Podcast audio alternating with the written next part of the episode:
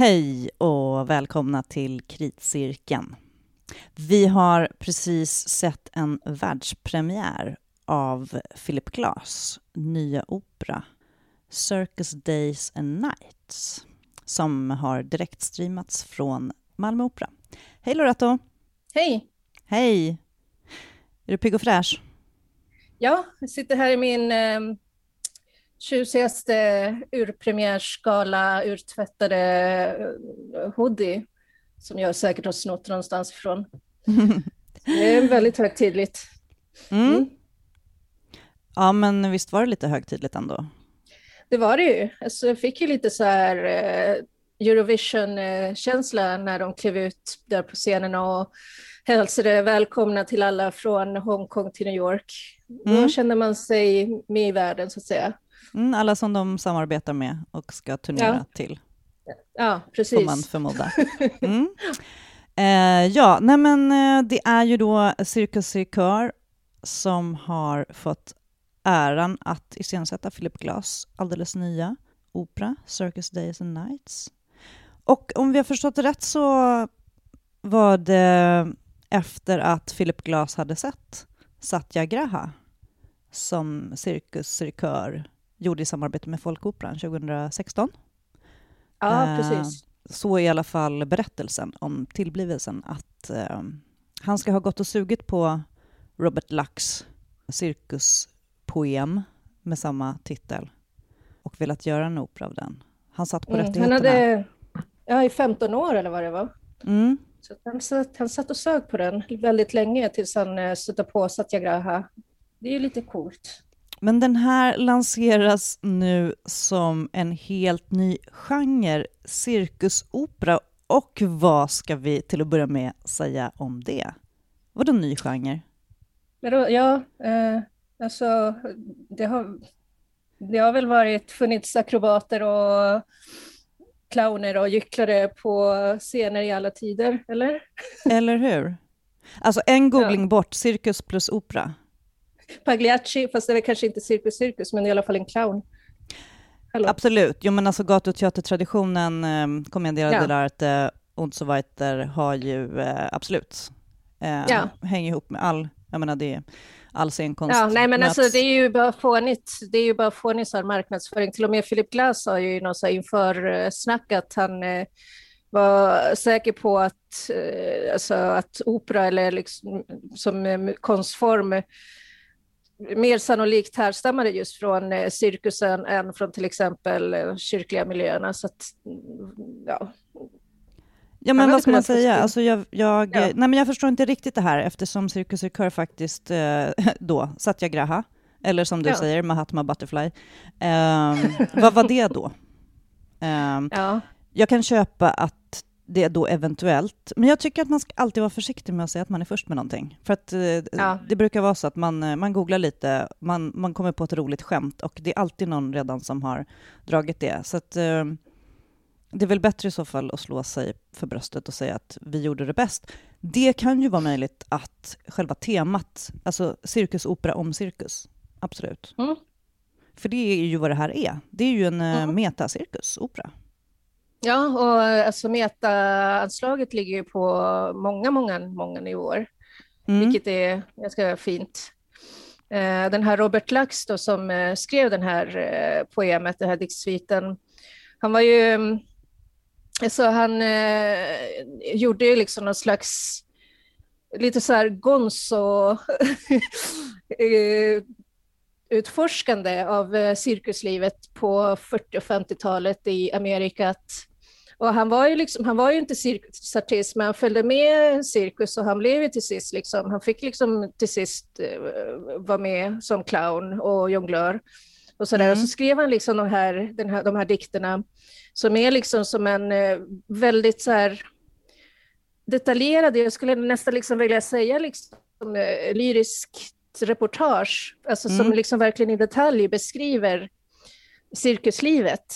Mm. Uh, väldigt fint och liksom med, väldigt liksom uh, nära på, men samtidigt med, med väldigt så här, religiösa övertoner. Där liksom uh, cirkusens cirkuslivets kretslopp jämförs med, alltså, med liksom universums kosmologi, liksom, rivningen mm. och, och byggningen, början och slutet och sådär. Mm. Eh. Och cirkusen då som, som metafor för livet och arbeta, eh, utvecklas, vara modig och sådana saker. Det är ju också Cirkus Rikörs och Tilde Björfors har väl hållit på med det i ungefär alla mm. sina uppsättningar. Wear it like a crown, deras långkörare som spelades för massa år sedan, mm. som är en av dem som jag sett flest gånger. Jag tror jag såg den fem gånger faktiskt. Mm. Um, handlar ju precis om liksom, cirkusen som på något sätt metafor för livet, som metafor för att utvecklas, möta sina rädslor, överbrygga liksom, ja, ta mm. sin rädsla och bära den som en krona. Här är det inte så mycket rädsla, utan det är ju mer, uh, vi är ju liksom mer, det är mer cirkuslivet i, ja, från kulisserna då, man ska säga, från Robert Lux perspektiv, skulle jag säga. Det är ja. någon, eh, någon eh, replik där i början där någon säger någonting i stil med ”ingen åker med en cirkus för nöjes skull”. Uh, alla som åker med på måste turnén arbeta. måste arbeta. Att ja. det inte finns liksom några glassare, haha. Uh, ja. Förutom Philip Glass. Um, och det är väl och då kan man väl säga så att han då som får åka med, vi får ju möta honom i två personer, alltså först en äldre som mm. tittar tillbaka. Hela den kompositionen, det greppet är ju så, vad ska man säga, typiskt eh, lätt val. Mm. Att han ja. ska titta tillbaka på sitt liv och på den här berättelsen. Och sen i föreställningen så är han med då som ung och ja. eh, sjungs då av Elin Rombo här på mm urpremiären. Ja, eh, precis. Och eh, den äldre Robert Lax då, eller Robert Lax som gammal, eh, är Jakob Högström på mm. urpremiären här. Det finns två sångarlag också, så att... Eh, mm. Och eh, det han möter är då den här cirkusfamiljen, Christiani. Ja. Just det. Och, och blir väl liksom en, vad ska man säga, jag får en känsla av att han försöker bli en son i familjen. Lite ja, grann. Alltså eller, eller han blir ju... Ja. ja. han blir ju... Eller, alltså, jag har förstått liksom eh, när jag läst hastigast om honom så, så verkar det ju som att han upptogs i den här familjen och blev liksom god vän till dem i många, många år och speciellt den här då Mogador som också är, då är med i, i den här föreställningen som en av huvudpersonerna som man liksom fascineras av mm. eh, som är en eh, luftakrobat, som han också i en annan del av den här diktsviten också låter komma till tals liksom mer detaljerat om hans liv och sådär. Mm. Så, att, så att det är liksom, ja, nej men det är som sagt att han har ju liksom verkligen gjort en, eh, en väldigt så här, gedigen djupdykning i det här i den här livsstilen, vilket är väldigt fascinerande, för jag kan tänka mig liksom att på 40 och 50-talet så var jag liksom fortfarande kringresande underhållare fortfarande väldigt stigmatiserade. Mm, ja, alltså, patraskstämpeln alltså, liksom. Ja, ja, nej men visst, och Carnis och sådär. Och sen så kan man liksom också tänka sig att människor som föddes med missbildningar antingen eh, hade som alternativ antingen hamna instängda på dårhus eller faktiskt gå med i cirkusen och, och leva liksom ändå ett förhållandevis värdigt liv i det här liksom mikrosamhället som, som man ändå skapade och som Robert Lax eh, beskriver så fint i det här. Mm. För det är ju det, det, eh. det kommer ju en sideshow. Uh, mm. Det kommer ju sådana scener också. Det kommer en skäggig dam. Um, och det kommer någon sån här sälpojke som guppar förbi. Um, men musiken då, jag menar jag tänkte redan från början så, jag blev glad. Eh, det var mm. dragspel. Det ska det vara på cirkus.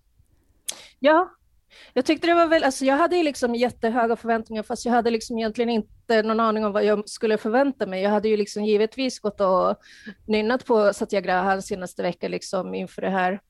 Eh, och det är ju verkligen inte som den musiken. Och det är ju inte så konstigt, Satyagraha skrevs ju 79, mm. så det har ju gått över 40 år. Uh, så den här liksom ackumulativa minimalismen finns ju inte. Det här är liksom en, en eh, minimalism som ligger liksom i roten och sen så kan man nästan liksom så urskilja en, eh, en uppsluppenhet, alltså det, och det är ju liksom cirkusmusik fast med mm. Glass eh, liksom prägel. ja, men för det är, mycket, det är också mycket stämningsbyggande. Alltså jag tänkte på ja bara den där första, det är ju väldigt mycket ritualen kring att resa tälten och riva. Alltså ja. det är nästan, handlar ju nästan mer om arbetet runt omkring än själva showen. Liksom. Ja, precis. Eh, så är det ja, men otroligt, eh, bygger upp liksom hela stämningen, den där som man också, nervositeten innan, eh, mm. innan publiken kommer, innan man går in på, i manegen. Och så är det ja, men sån här riktig eh, trumslagarpojke som verkligen så här, piskar upp mm. hela... På något sätt sätter takten och tonen för arbetet, men också så här, lång båge bygger upp från liksom tältresningen till mm. kvällens föreställning. Uh, och det känns ju inte jätte... Ja, men på ena sidan, jo, absolut, det känns ju Philip Glass på, i och med att det är de här långa, liksom, det är långa cirkulära, liksom. det är ju väldigt mycket mm. cir cirkelkompositioner, eller man ska säga. Det är många saker, ja. det, allting snurrar på scenen. Eh, ja.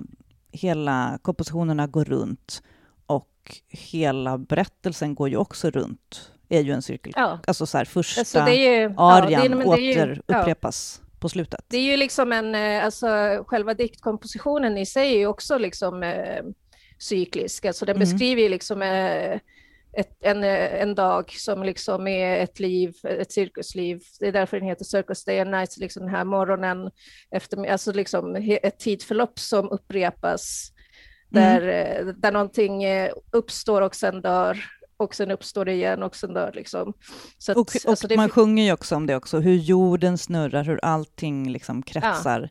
Ja. Eh, precis, eh, allting börjar vilket är också väldigt, alltså, Vilket också är väldigt tacksamt för för att just ha cirkusartister på scen eftersom väldigt många cirk, alltså, cirkusdiscipliner är ju, handlar, har ju liksom runda saker i sig, om det är bollar eller mm. eh, ringar eller vad det nu kan vara för något. Mm.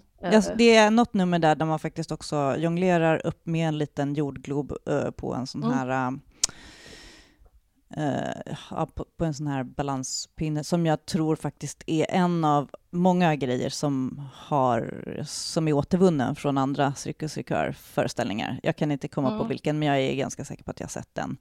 Uh, ja, att man eh, bollar med, med jordklotet har man nog garanterat mm. gjort i de, i de här pieces, knitting pieces. Ja, eller hur? De här. Ja.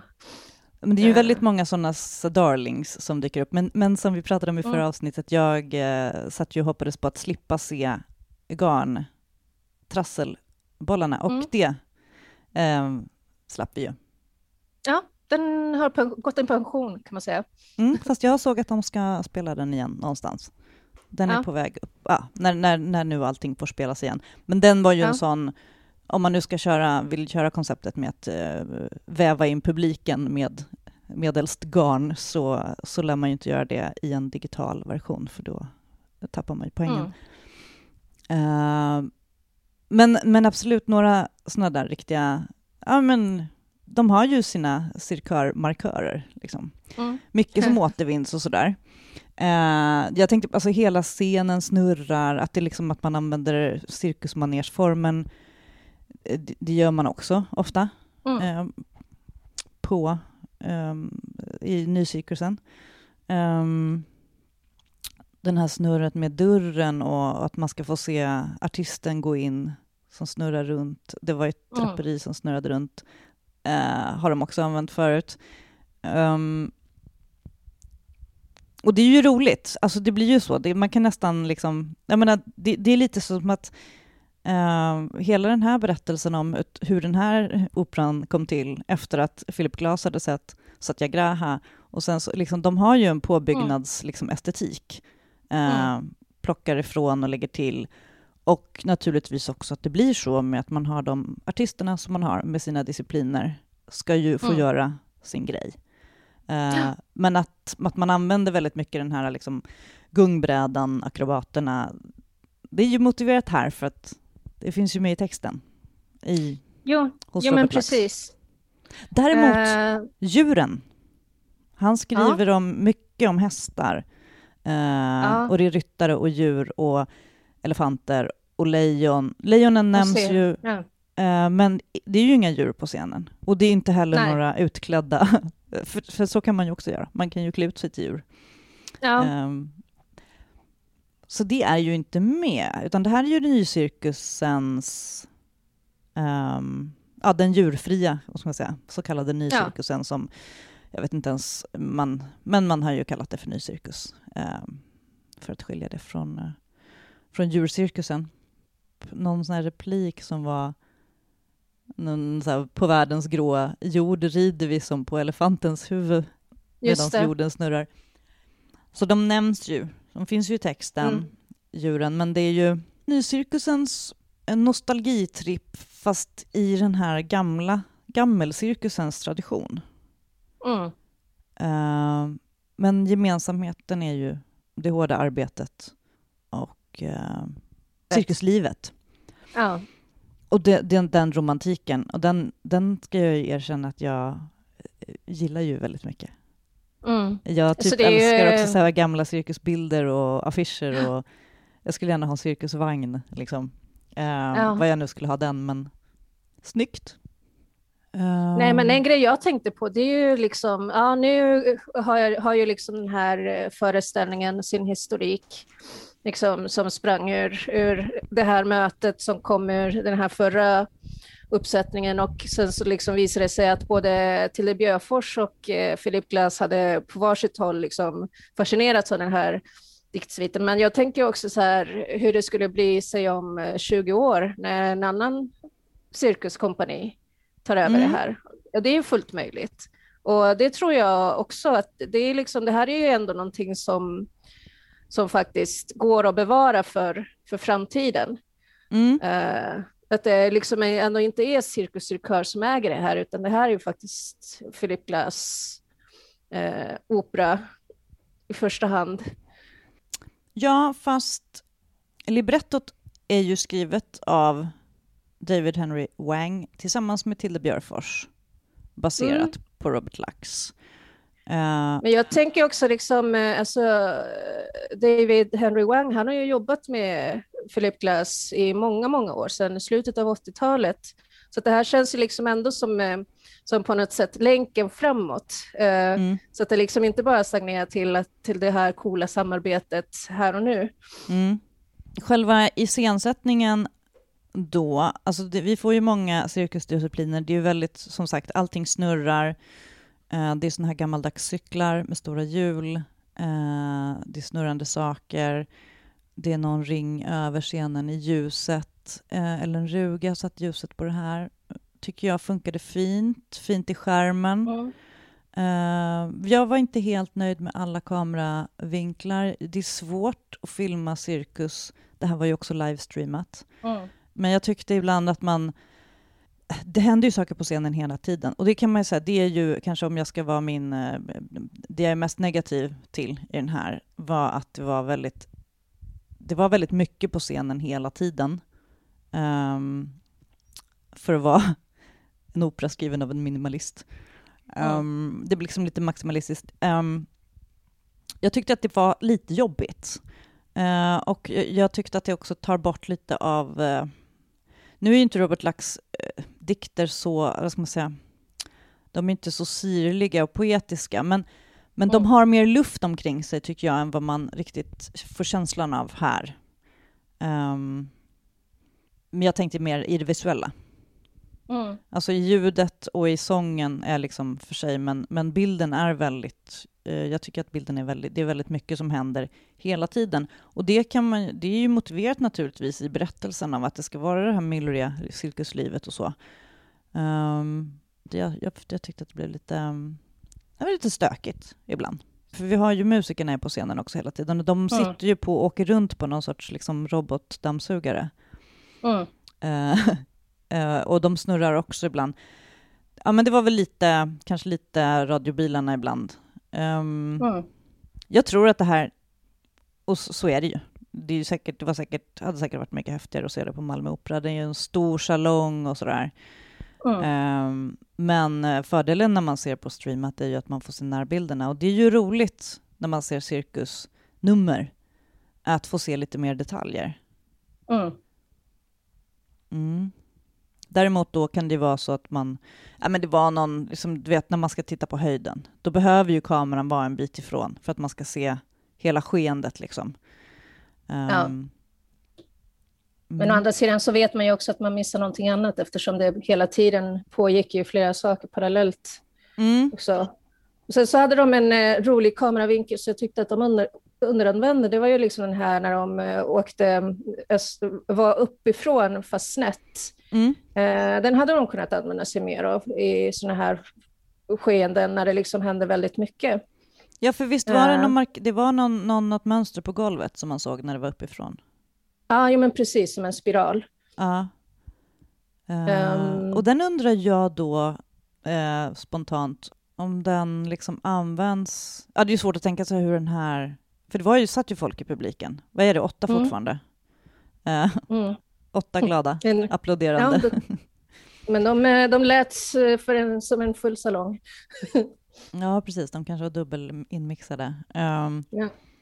Men, uh, nej, men jag tänker det, de, de vinklarna kommer man ju inte få om man ser den där live. Nej, precis. Uh, men jag tänker liksom att nu när man ändå laborerar med ett annat medium än livebandet så kan man ju liksom använda de resurser, mm. eller liksom det man har. Uh, med tanke på att man liksom ändå har gjort en scenografi och alltså ett scenrum och en scendesign som går att visas upp med kameror så de uppenbarligen har riggat i vissa specifika vinklar, men de inte använder dem lika Nej. mycket som de hade kunnat. Ja, men budskapet då? Hur känner du för det? Uh, jag, jag brukar ju klaga på allt för mycket meta. Uh, det är ju ingen idé att, att liksom vara kritisk till, till att det är en metacirkus, för det vet man ju när man sätter igång och tittar på den här. Jag tycker att det funkar ja. bra. Um, och jag tycker att det är fint um, som sagt, jag gillar ju cirkusnostalgi, så jag är lite lättköpt mm. när det gäller just det. Och um, det är också motiverat naturligtvis, för det, det, det, finns mycket, tycker jag, i... Alltså när man, när man alltså när det handlar om, om cirkusartistens träning för att bli bättre och sånt, som jag kan känna att jag... Eh, det är lite fint och lite mm.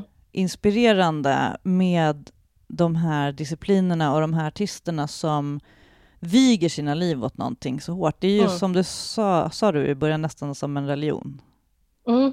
Alltså det är en sån jo, övertygelse. Precis. Det finns liksom en, det är en livsstil och det är en, det är en sanning eh, att ja. det här ska göras. Och att man ska pressa sig och sådär. Jo, nej, men jag tolkar det liksom nästan, alltså, och det, som sagt, och, och, den här religiösa tonen genomsyrar ju också boken väldigt mycket.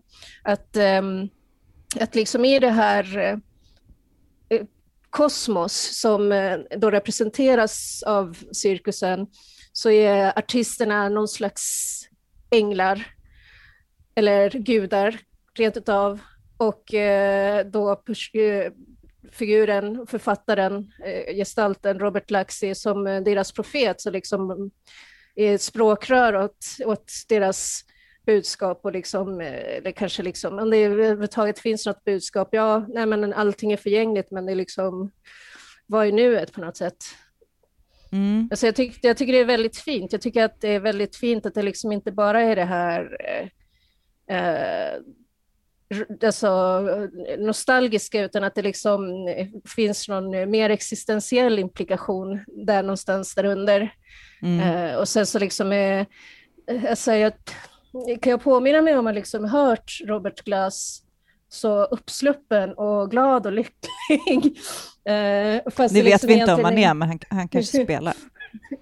ja, ja, men precis. Nej, men alltså det är ju liksom, det är verkligen eh, glad musik. Alltså det är ju... Eh, ja, nej, men alltså den känns ju. Den känns ju Alltså, du vet, liksom, cirkusmusik kan ju väldigt lätt bli så här eh, läskig om man ska liksom eh, göra cirkusmusik till någonting som det inte är. Mm. Eh, men den här är ju, det här är ju liksom, det här är ju med lycka, det här är ju extatiskt rent utav. Alltså, så, ja. Ja, men det är ju, alltså, det är ju clownens eh, två sidor kan man säga, eh, ja. också i, i, i liksom metaforisk eh, överförd bemärkelse, men att, att det finns en, alltså det finns en framsida. Det finns mm. det man visar upp på scenen och sen så finns det svärtan där bakom. Och att mm. äh, egentligen all konst behöver äh, de där polerna. Mm. Äh, alltså man behöver, eller så brukar man ju, så brukar man ju säga, eller det är ju liksom clownens äh, försvarstal, att man ja. liksom Eh, för att vara rolig så behöver man känna till smärtan. Ja, uh, tragedimasken och komedimasken. Mm. För att eh, liksom ett cirkusnummer ska bli på riktigt så måste man veta att eh, misslyckas man så dör man. Mm. Eh, det, är ju, det är ju det som är... Eh, livet är en förutsättning för döden, eller döden är en förutsättning för livet. Liksom. Mm. ja, men precis. Ja, men eh, operakritikern då, vad, eh, vad säger vi om rösterna? Ehm. Ja, eh, jo, alltså jag kan liksom ha lite så här svårt för det här amerikanska sättet att skriva för röster. Eh, för att det blir liksom väldigt eh, gärna lite så här Broadway. Jag känner jag liksom egentligen, alltså Elin Rombo är ju bättre än så. Men jag tyckte ändå att hon, eh, hon eh, fick lysa eh, till sist. Alltså när hon inte liksom sjöng med den här, den här musikalregistret, utan när hon liksom verkligen fick använda sitt fulla, fulla register. Samma sak, alltså Carolina Blixt är ju en av mina favoritmetson här i Sverige. Så att, eh, hon spelar fru Christiani. Ja, precis. Så att, alltså, hon har ju liksom, hennes roll är ju mestadels en tal, roll egentligen. Men eh, när hon väl fick höra så var det ju fint. Mm.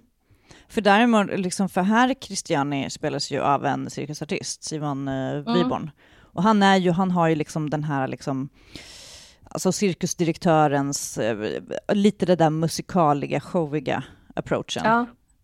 Um, medan hon är ju, Carolina Blix är ju också, det är ju fint faktiskt, hon kommer ju in som alltså i den här uh, prickiga Yayo Kusima mm. prickiga kreationen.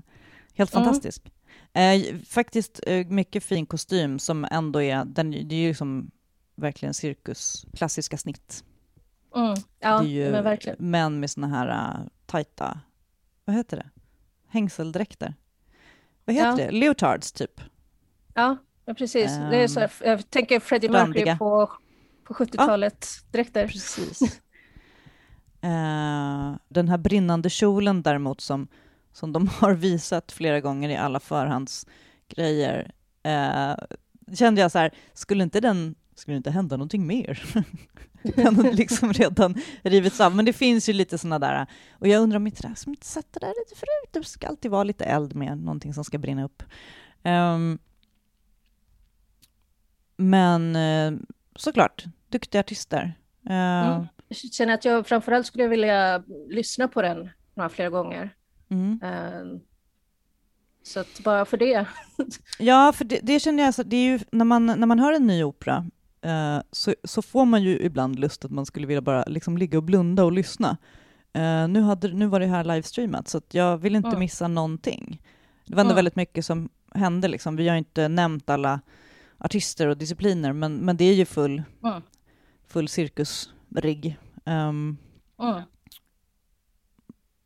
Många akrobater. Det var kul att se att uh, numret med jonglerandet med de här uppmickade rören uh, återanvändes. Jag tyckte att det passade väldigt mm. fint ihop med den här musiken. Uh, det är lite roligt när man, jag vet inte om du har sett det numret förut, han har, det jonglerar med så långa plaströr. Uh, och sen så och så liksom är rytmiskt liksom i takt. Och sen mm. när man så gör de någonting och visar så att man förstår att det är mikrofoner i rören. Ja, uh, just det. Ja, nej, jag tänkte, jag associerade till Einstürzende Neubauten som eh, brukar spela på så här långa plaströr som ju givetvis är mickare som har ett snarlikt ljud, alltså plaströr mm. låter. Eh, så det var liksom det, det som var min association när de började hålla på med de där.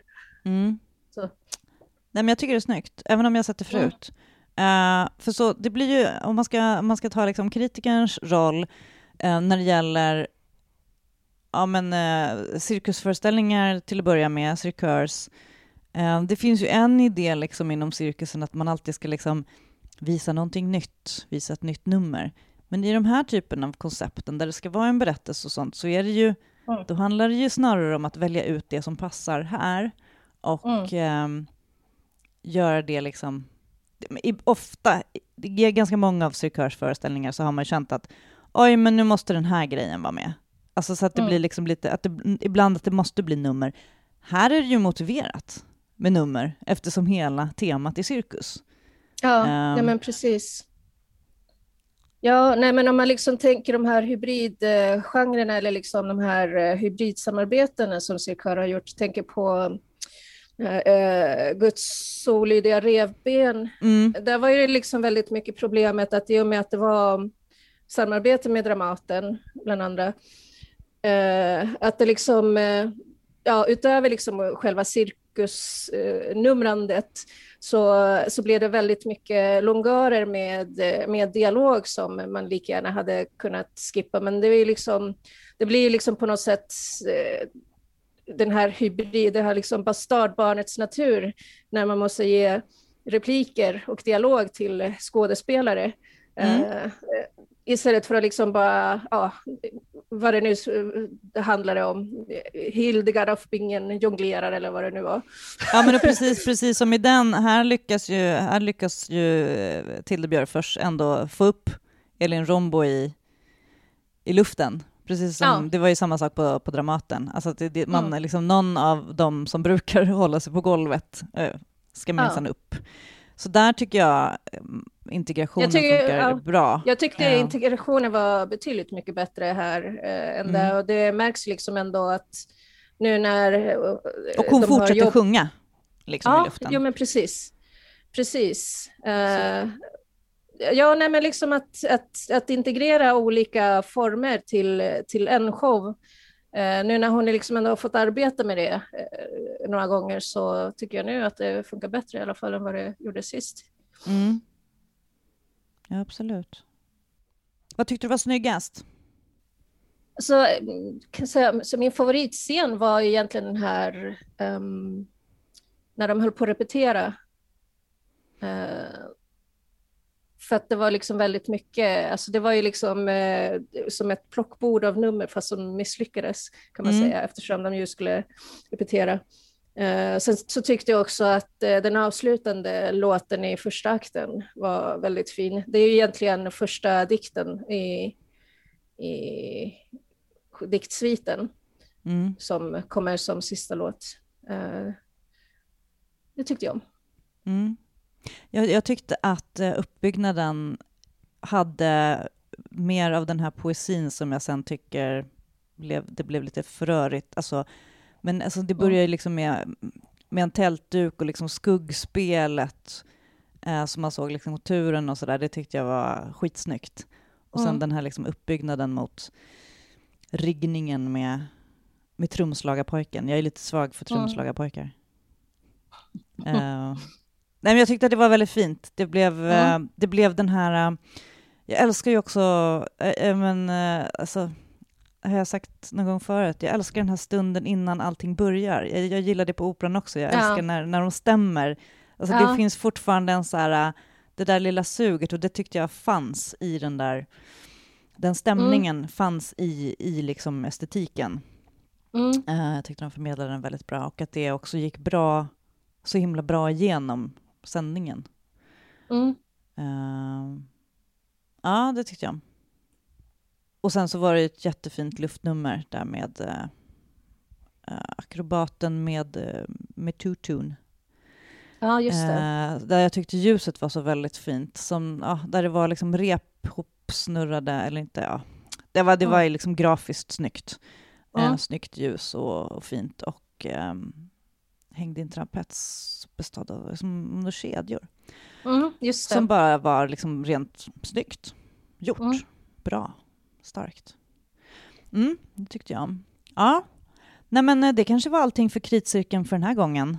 Uh, ja. Vad har vi i pipen? Uh, ja, vad har vi? Uh, Dichter, Liebe, Folkoperan. Just det. Den, den kommer man ja. kunna se streamad nästa vecka. Ja, precis. Och den här Dramaten, jag vill säga Tingeltangel eller Tagliatell, men den heter... ja, vad heter den? Tingeltangel. Tingeltangel. Ja. Uh, ja, vi har lite att kolla på. Än är inte säsongen slut. Om man ens kan prata Nej. om säsongen nu för tiden. Och snart kommer allting... Herregud, maxgränsen har höjts. Ja, så nu kanske vi kan gå och titta på saker i köttet. Mm. Jag har fått mm. en spruta. Ja, jag har fått överlevt. två. Med nöd och näppe överlevde jag min spruta. men jag ja. sitter ju här. Uh, ja, men det här var allting från uh, Kritcirkeln för den här gången. Vi hörs snart igen. Tack så mycket, Loretto och Villalobos. Ja, tack. Jag heter Cecilia Djurberg. Tack så mycket för att ni har lyssnat. Vi hörs snart igen. Hej då.